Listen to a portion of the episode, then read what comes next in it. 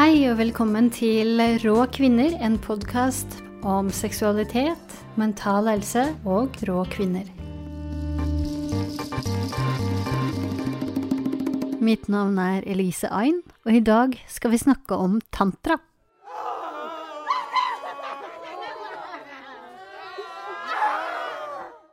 For hva er egentlig tantra?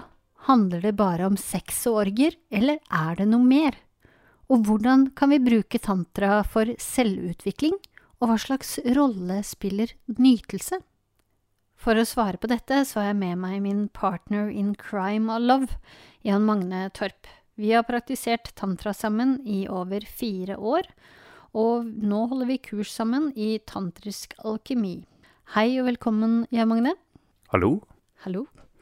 Jan Magne har en mastergrad i idéhistorie og har interessert seg for og jobbet med vestlige esoteriske systemer og tantra siden 90-tallet. Kan ikke du fortelle litt om hvordan du oppdaga tantra? Ja, jeg var vel 16-17 år, og øh, hadde vel begynt på noen yogakurs.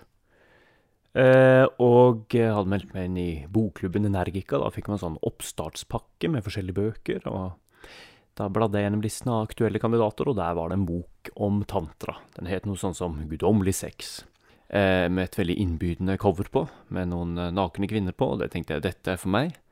Og jeg kjøpte den boken, og eh, ble satt på det sporet.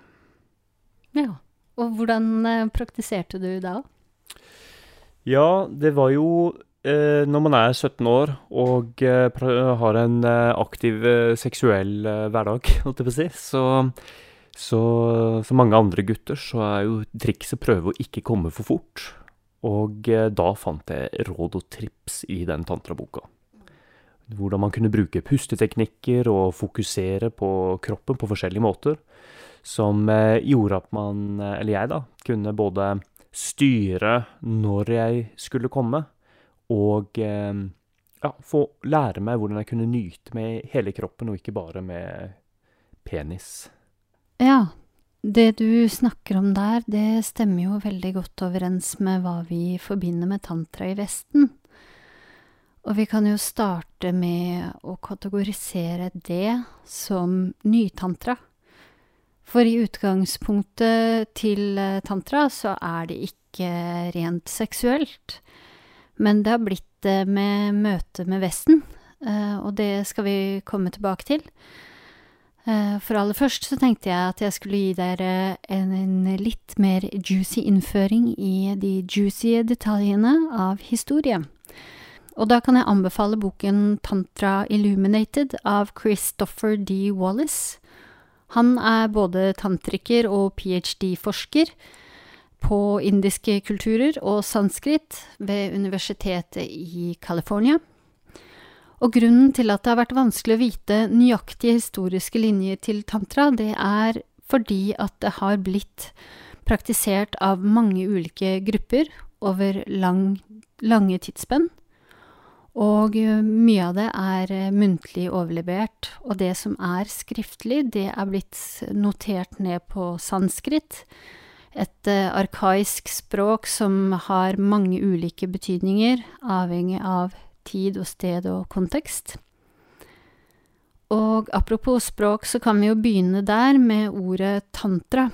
Mange refererer til tantra som at det betyr veving, at man vemer noe sammen, akkurat som at yoga betyr yoke, å blande sammen. Og det kan jo være én betydning av ordet, og en annen betydning er kun at det refererer til en doktrine eller et system, eller så kan man bryte ordet i to. Da betyr tann å ekspandere, og tra betyr instrument. Sånn at tantra kan oversettes til eh, et instrument som ekspanderer. Den eh, første bevegelsen som kalles tantra, den kom fra India rundt år 500 etter Kristus og kalles shaiva tantra. Etter dette så ble tantra blanda med buddhisme. Det kalles vairayana. Og så kom det også ni andre grupperinger, og sikkert flere andre mindre grupperinger. Eh, men Christopher D. Wallis han skriver også om ni andre grupperinger av tantra.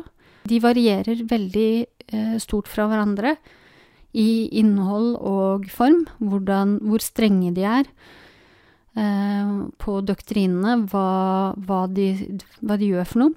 Faktisk så varierer tantrapraksisen så stort at det er vanskelig å finne sammenheng mellom de, men Christopher D. Wallis har funnet seks kjennetegn på hva eh, som er typisk tantrisk, og det er at man bedriver yogisk meditasjon, man gjør mantra, altså hellige lydord, man bruker hellige symboler, kalt mandalas, og man har en guru eller en spirituell veileder, og man går gjennom initieringer i form av ritualer.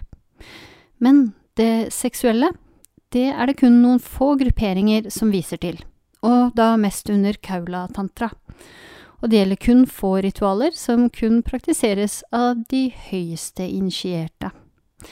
Med andre ord så er det lite som tilsier at uh, vi skal forbinde tantra ensbetydende med seksuell praksis. Ja, Magne, du har jo en teori om hvorfor tantra er blitt så seksualisert i møte med Vesten. Kan ikke du si litt om det? Ja, jeg tror det er en blanding av flere fenomener som gjør at uh, dette um, nytelsesaspektet og sexaspektet ved tantra har blitt løftet frem, da særlig nytantraen. Uh, hvis vi går litt tilbake, noen 150 år uh, eller der omkring, det var jo første store møtepunktet mellom vestlig intellektualisme og Østen. Dette fenomenet som oppsto, har senere blitt kalt orientalisme, Altså det er en vestlig fortolkning og romantisering av Østen. Gjennom disse brillene så, um, så kom eh, nysgjerrige vestlige personer og sammenblandet mange ting som de fant fra Østen. Da, når de da så på yogisk praksis, de så på religionsutøvelsene, og de så på fakirer og, og på Kamasutra, og alt dette fremsto da som én ting som hadde noe med hverandre å gjøre. Og dette gjorde at eh, man, når man innførte da, eller man så mot Østen, så fikk man et inntrykk av at den var mer seksualisert enn den kanskje var. Faktisk er det jo på 1700-tallet at Kamasutra ble oversatt første gang til engelsk, tror jeg. Så kom det vel da rundt 70-tallet eh, eller der omkring. Da begynte jo yoga også å bli mer eh, utbredt. Og ble mer popularisert at vestlige Eh, fikk en interesse for å praktisere yoga, meditasjon. Flere av disse i hippiebevegelsen, ja, fra 60- og 70-tallet, reiste til nettopp India og andre plasser for å, for å lære.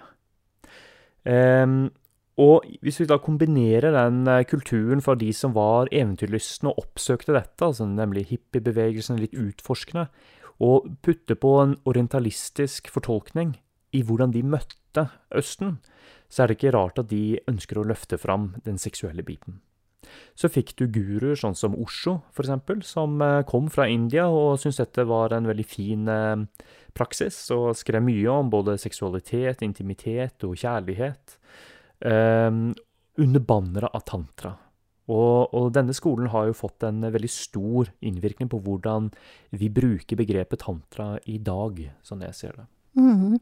Og det er jo lett å fortolke forskjellige symboler, eh, fordi du har Shiva og Shakti som sitter over hverandre i flere eh, bilder. Eh, du har lingam og yoni i samme, samme form som de bruker til uh, hinduistiske ritualer. Så det er jo lett å tenke seg at uh, det er nettopp uh, seksuelt, fordi det handler om mann og kvinne, da. Mm. Vi har jo mange religiøse retninger i India. Det, da jeg studerte religionshistorie, så lærte jeg at det er omtrent like mange former for hinduismen som det fins landsbyer i India. Og det var vel om lag en million, eller eh, mange, da. Mm. Og fruktbarhetssymboler fruktbarhetssymboler, fruktbarhetstilbedelse, det var jo ganske fremtredende, uh, og er det fortsatt, i mange, mange plasser i India. Og det var nok noe som var fremmed for mange som kom fra Vesten. Eh, som ikke hadde det forhold til å se religiøsitet opp mot seksualitet og fruktbarhet. Fordi vi hadde en kultur preget av kristendom, askese og eh, måtehold. Så det vi har blitt påvirka av, kan være eh, positivt, det da? altså? Jeg mener det. Jeg mener at når vi ser på åndelige tradisjoner, så er det noe som går igjen eh, mange ganger. Det er at når kulturer møtes, så hentes noe av det mest interessante fra begge kulturene fram. Og den eh, måten f.eks. buddhisme praktiseres blant lekfolk i Norge, det er en, eh, en, eh, langt mer åndelig, eller hva skal vi si, raffinert buddhisme enn den som, som blir praktisert av lekfolk i typisk buddhistiske land. Der vi er mye mer fokusert på Buddhas lære enn på eh, kulturelle eh, overgangsriter og andre artifakter som er, er viktig for et eh, vanlig liv på, på bondelandet i Kina, f.eks. Hvorfor tror du at uh, tantra har slått så godt an i dag? Ja, det er et veldig godt spørsmål. Jeg tror det er flere faktorer som spiller inn der. Det ene er at vi har en veldig seksualisert kultur og populærkultur, som gjør at uh, en del av den vanlige Eller en forventning at uh, vi skal utforske seksualiteten vår, og det er en forventning at vi skal være noe slags eksperimentelle, iallfall i en periode i livet. Eh, vi har også en kultur der preget, altså mye av seksualiteten i media er preget av en sånn overromantisering, kanskje litt røff sex, eh, pornografisk seksualitet, som ikke passer for alle. Eller kanskje passer kun for få. Så jeg tror det er eh, den fremveksten av den mer eh, hva skal vi kalle sensitive seksualiteten som vi ser i tantra, er nok en reaksjon mot det, på den ene siden. Og så tror jeg også det har en, den tette koblingen til yoga. Det at mange av de teknikkene man bruker innen tantra, eller nytantra, er hentet fra yoga, som i pusteteknikker, kroppsbevissthet, eh, bevegelser, kontakt, refleksjon og filosofi og livstilnærming. Og dette området, altså yoga i stort, eh, har jo i økende grad eh, de siste 20 åra iallfall vært mer og mer kvinnedominert. Og uten å putte kvinner og menn i to store bokser, så er nok en del kvinner som opplever at den uh, mer emosjonelle eller sensitive seksualiteten da, appellerer mer til dem enn den røffe, pornografiske seksualiteten. Og siden at tantra i da media ligger så tett opp til yoga, og også i praksisen, så er det en naturlig overgang for mange kvinner som holder på med yoga i utgangspunktet, eller jobber litt med selvutvikling og sånn, å plukke opp eh, tantra. Eh, så jeg tror det er en av de store innfallsvinklene til det. Og at det handler om en sånn Det handler om å finne seg selv i en nytelsesverden på den ene siden, og så handler det om selvutvikling og en, livsvei eller en visdomstradisjon på den annen. Ja, for man bruker jo pust eh, veldig, og det er veldig essensielt i yoga. Eh, og det er også veldig essensielt i tantra. Eh, og da Det som skjer da, er jo at man får mer fokus på, på kroppen. Man kjenner etter i kroppen. Man blir mer, mer, følsom i kroppen av å jobbe med pust og kunne øve seg på å kjenne etter eh, i ulike steder i kroppen. Uh, og det kan jo være en fordel når man Det å bli mer følsom, mener jeg, det kan jo være en fordel når man går inn i det seksuelle møtet. Og føle, at, føle mer, da. Ja, helt klart. Så tenker jeg også det at uh, mange personer, eller mange, tror jeg, når de tilnærmer seg sek seksualitet og ønsker å lære noe nytt, så prøver de å finne ut av hvilket sexleketøy kan jeg kjøpe, eller hvilken stilling, eller noe sånt.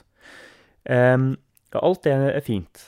Men det mange ikke har klart å ta inn over seg, for de vet ikke hvordan de skal gjøre det, det er at, som du sier, pusten er det mest effektive virkemiddelet for å kunne øke og endre nytelse.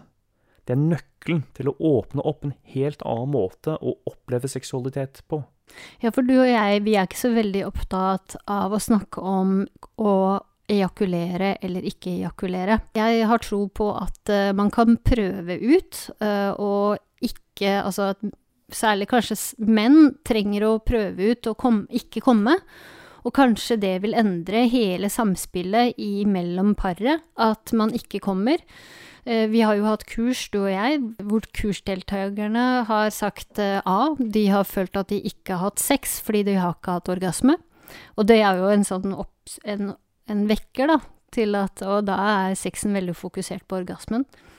Eh, eller B å føle at uh, uten den orgasmen på slutten, så kan man heller nyte Er det mer fokus på å nyte hele samspillet. Mm. Eh, men det er ingen dogmer i det for meg, fordi at hvis man ønsker å komme, eller leke seg med det, eller i perioder ikke komme, så er det opp til enhver hva som passer. Dette er et veldig viktig punkt for meg også. Det, det er den ikke-dogmatiske tilnærmingen. Um, det jeg tror er viktig når man går inn i et tantrisk seksuelt møte, det er at man skal fjerne den målorienteringen som orgasme er, fra begge parter. Det er det viktigste. Fordi at uh, sexen handler om nytelse, og den handler om kommunikasjon. Det handler om forening av to personer på dypere emosjonelt plan. Eh, og hvis man da skal prøve å hige etter å få fram denne orgasmen, så mister man den eh, mye lettere, den dimensjonen. Og så er det, eh, jeg er helt enig med deg, at det er ikke noe galt i om man kommer eller ikke kommer. Noen ganger så har man lyst til å komme, og da gjør man det. Og noen ganger kommer man selv om man egentlig ikke hadde tenkt det, og da gjør man det. Og noen ganger tenker man nei, i dag så ønsker jeg å ikke komme. Og så er det jo riktig som, jeg, som, som Martin sa i forrige episode, er jo at man bygger opp en energi på en annen måte hvis man tar og har sex et par ganger uten å komme. Og det er spennende å, å, eksperimentere med. Hvordan kjenner du den i kroppen din? Jeg blir kanskje litt mer livlig. Jeg får litt mer eh, Jeg blir ja, lettere, til, lettere, på en måte. Og eh, jeg føler jeg får mer overskudd. Men jeg er jo sånn ca. 50-50, kanskje. Når jeg kommer eller ikke kommer. Og så er det perioder der vi eksperimenterer med å ikke komme i lengre perioder, og så er det perioder der vi ikke tenker så mye på det. Ja. Ja, og jeg kan nok tenne fortere. Uh, og føle en sterkere, liksom dypere tenning enn en hvis jeg har kommet flere dager på rad, eller flere, flere, ganger på rad. Så det blir en mye sterkere og mye dypere tenning hos meg. Ja, og også en økt nytelse, altså kroppslig nytelse. Fordi det som jeg er opptatt av, det, eller mange ting jeg er opptatt av, men en av de tingene, det er å lære hvordan skal jeg regulere kroppen min for at jeg skal kunne nyte mest mulig.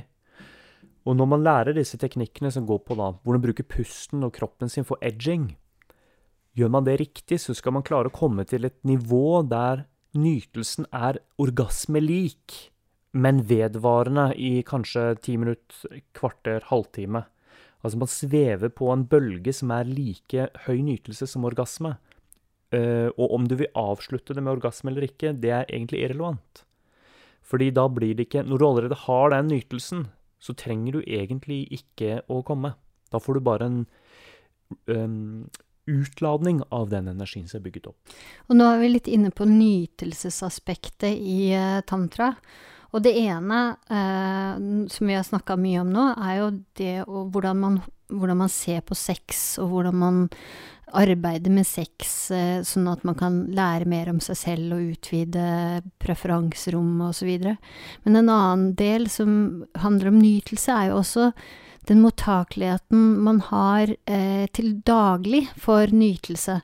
For meg så er det et veldig viktig aspekt i tantra, det er at det er dagliglivet, og det er livet som pågår, eh, som det handler om.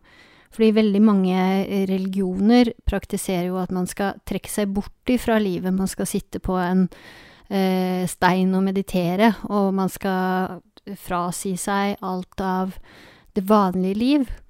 Mens tantra eh, praktisertes som da, da som nå, eh, fra vanlige menneskers sitt liv. Og det sier jo litt om hvor den, hvor den tradisjonen kommer fra også, og hvor, hvor, godt det passer inn i våre liv i dag. Og da er det nytelsesaspektet i, det, i de normale ting også.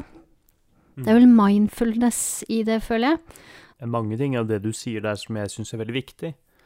Det ene er det å ha en um, Seksualiteten som en, uh, en plass der du utforsker og erfare nytelse på et veldig intenst nivå. Og eh, lære seg hvordan man skal gjenkjenne både hvem man er i sexakten utenfor sexakten.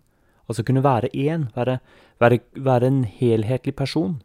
Ikke ha et skille mellom hverdagslivet og seksualiteten. Ikke ha et skille mellom livsvei og en seksualitet. Det er, en, det er, ikke noe man rømmer til. Det er en del av deg som er naturlig. Og Det liker jeg i hele den tantriske tradisjonen. og mange av Alle disse tradisjonene handler jo om det naturlige med livet i sin bredde. I alle dens faser. Og da blir det jo en naturlig måte å ta inn selvutvikling på. Å gjøre eh, Jobbe med seg selv og hele tiden, sånn som Victoria nevner. Altså tantra er utvikling. Å bli bedre be, Bli et bedre menneske da, for seg selv og for andre. Ja, jeg tror det. Jeg tror også på det å, å øve seg på å gjenkjenne hvem, hvordan har du det når du har det bra. Hvordan ser du på verden? Hvordan ser du på folkene rundt deg? Hvordan ser du på deg selv? Og ta med deg det perspektivet. Um, og utfordre deg selv. Hva er det Hvilke hinder har jeg, har jeg, i livet mitt som det går an å gjøre noe med? Eh, hvilke hinder har jeg satt selv i livet mitt som gjør at jeg ikke kan være autentisk meg selv? Og ved å følge en sånn type, eller en tantrisk tradisjon, så vil disse tingene bli lettere å gripe fatt i, lettere å bearbeide. Og der har vi dette uh, selvutviklingsaspektet, tenker jeg. Så jeg tenker det er også viktig å tenke at, uh, huske på at det er ikke noe nødvendigvis et forhåndsdefinert uh, bilde på, eller ideal på hvem du skal være. Det er mer en, en, vei, det er en utvikling, det er en utfolding av hvem du er og ditt potensial. Mer enn at du skal bli noe spesifikt sett med dyder eller, eller rollefigur som man leser med en bok. Det handler om din vei, din opplevelse av deg selv og livet. Så er det jo dette, som er, dette aspektet med Når du snakker om nytelse, er jo én ting. Og så er det eh, selvutvikling, eller livet, på en annen ting. Og derfra så går det en sånn glidende overgang til tantra som visdomstradisjon. I tantrisk tradisjon så hadde man jo disse tekstene opp, eh, i, fra gammelt av. Disse er jo blant nytantrikere erstattet med litt tekster her og litt tekster der, men tanken er at det er en måte Det er et åndelig perspektiv på verden, eller det er en, det er en tilnærming der man har den um, hinduistiske tanken om opplysning eller erkjennelse som ligger til bunn. Og hvordan uh, man eh, Hvordan det perspektivet kan gjennomstrømme både nytelsesaspektet og selvutviklingsaspektet. Vil du, vil du forklare mer om, om det? Jeg kan prøve, men det er jo ikke så lett å få sette ord på. I en eh, meditativ tilstand, eller i en tilstand av seksuell ekstase, så opplever man verden annerledes. Uh, eller de fleste opplever verden annerledes da enn i hverdagsbevisstheten. Og dette andre perspektivet som man da, der opplever, hvis man klarer å se eh, livet generelt i lys av den av den bevisstheten, så endrer mange ting seg. Det, det som var uh, en utfordring før, blir kanskje sett på som en, mulighet. Det som blir sett på som en, uh, noe vakkert og fint før, blir kanskje sett på som unødvendig. Livet blir enklere fra eh, bevissthetens ekstase. og mange av disse teknikkene som er både innenfor yoga, meditasjon med mere, handler nettopp om å gi en direkte erfaring av en annen måte å erfare seg selv og universet på. Altså en ren bevissthet. Um, og i overgangen mellom denne bevisstheten og livet for øvrig, så skjer det en spenning. Det skjer en, en, en, en transformasjon, en utfoldelse det er som om, om ditt indre er en, en, blomst, og denne andre bevisstheten, eller ekstasen, er, er sollyset eller, og vannet og næringen som får den til å utfolde seg. Og Det er den samme blomsten, men den, blir, den får andre kvaliteter. Det er først da du kan se kronbladene, og du kan, du kan kjenne duften av blomsten på en helt annen måte. Og min påstand det er at alle mennesker, uavhengig av hvem de er, har hatt slike opplevelser som bare hadde man forstått eller kunne satt de i sammenheng, de, de erfaringene som hver og en av oss allerede har, og kunne klare å si ja, men dette er jo det som den og den eh, guruen eller eh, helligteksten snakker om. Em, dette er den bevisstheten de snakker om. Og klarte å bruke det, så ville mange flere kunne erfart eller nyttiggjort seg av eh, den tredelingen med nytelse, selvutvikling og dette, denne visdomstradisjonsaspektet. Det handler jo også om det å eh, lære å gjenkjenne den enkelheten, eller væren, som eh, Heidegger vil kalle det, i alle ting. Klare å gjenkjenne det i, i, folk rundt deg, og i fenomener, i forskjellige tenkere, i musikk og i kunst. I alle, alle, om, alle, alle plasser rundt deg. For på den måten så fremstår verden som en symfoni av ting som er vakkert, eh, og som, eh, som har en, eh, en hensikt. Eller ikke, ikke hensikt er feil ord. Som har en plass. Om ting har hensikt, det er en dypere filosofisk spørsmål, tenker jeg. Mm. Når det snakkes om sex og tantra og nytelse, så er det jo også sånn at eh, fra noen hold så kan man jo se på det som at det er Ja, det er lett å gå seg vill i nytelsen. Det er lett å Dette er jo også sett fra litt sånn kristenpietistisk eh, syn, men det er nett, lett å bli fanga av den nytelsen og bare tenke om neste og neste og neste. Det blir som et kick. Hvordan skal man klare å unngå at uh, man ikke havner i den fella? Ja, det Jeg har sikkert selv havnet i den fella opptil flere ganger i løpet av livet mitt. Um, det har jeg. Men du har kommet ut av den? Jo, jo. Jo, de fleste kommer ut av det. Man blir jo eldre. Men uh, uh, hvordan man skal unngå det Eh, Jeg tror For meg så er en av de tingene jeg er påpasselig på, det er da læresetningen som jeg har diktet opp selv, at man ikke skal sammenligne to seksuelle møter med hverandre. Hvert seksuelt møte skal være unikt. Det, er, det er, skiller det fra den rene hedonismen. Altså hedonismens utfordring er at man alltid prøver å overgå seg selv. Men en tilstedeværende seksualitet gjør at det er irrelevant hva som er verdt før. Det er nå som gjelder. Og eh, vi er ikke den samme personen i dag som vi var i går. Vi føler litt annerledes, vi har litt andre behov, litt andre nytelsespreferanser. Og la de utfolde seg. Ikke la, en, eh, ikke la oss styre av hva andre har gjort, eller, eller at eh, forrige gang fikk du to orgasmer, i dag må du få tre. Ellers er det ikke godt nok. Eller i går hadde vi sex i 40 minutter, i dag vil jeg sex i 50. Um, det er uhensiktsmessig. Et, for meg er det kanskje den viktigste faktor. Å la hvert seksuelle møte være unikt, uten sammenligning. Mm, og det krever jo at man er fullstendig til stede. Man tenker ikke på hvilken middag man skal lage etterpå. Eller uh, hva skal man gjøre i dag? Eller når skal vi komme? Eller alle de andre tankene som kan komme inn. Hvordan ser jeg ut? Bladi-bladi-bla. Det er mye sånne tanker som kommer komme inn når man har sex, men at man bare legger det på hylla og prøver å sanse og være istedenfor.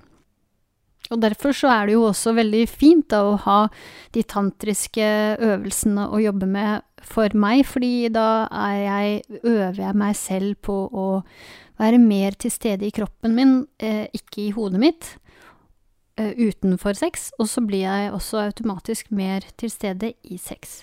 Mm. Det, iallfall det, det, det er noe av det som er en bieffekt av å jobbe på denne måten, eller praktisere på denne måten. Det er å bekymre seg mindre for fortid og fremtid, og heller ha en At livet har en retning, men ikke nødvendigvis eh, en detaljplanlagt eh, målbilde for hvordan, hvordan ting skal være. At man kan være fleksibel og i bevegelse. Apropos å være til stede i dag, så tror jeg vi skal gå ut i solen straks. Har du noe mer du har lyst til å legge til før vi avslutter? Ja, vi kan jo nevne det at uh, på Nytfestivalen i år så skal vi holde et uh, tantrakurs for par. Mm. Uh, det gleder jeg meg til. Ja, jeg gleder meg veldig til eh, årets Nytt-festival. Jeg håper at det blir fysisk i år, og at vi kan møtes og lære om seksualitet sammen. Mm. Men nå skal vi eh, avslutte for i dag. Tusen takk eh, for besøket, Jan Magne. Bare hyggelig. Ha det bra. Hyggelig.